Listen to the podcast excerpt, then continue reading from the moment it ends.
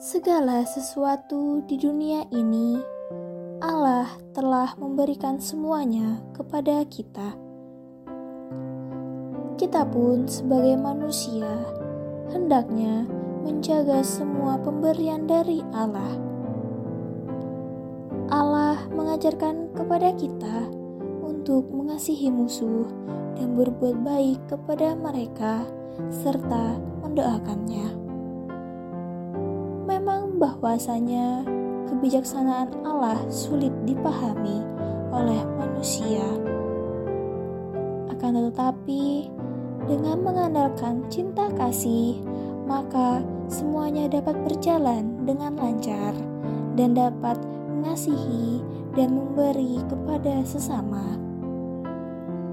Inilah ajaran dari Tuhan Allah sendiri mengenai.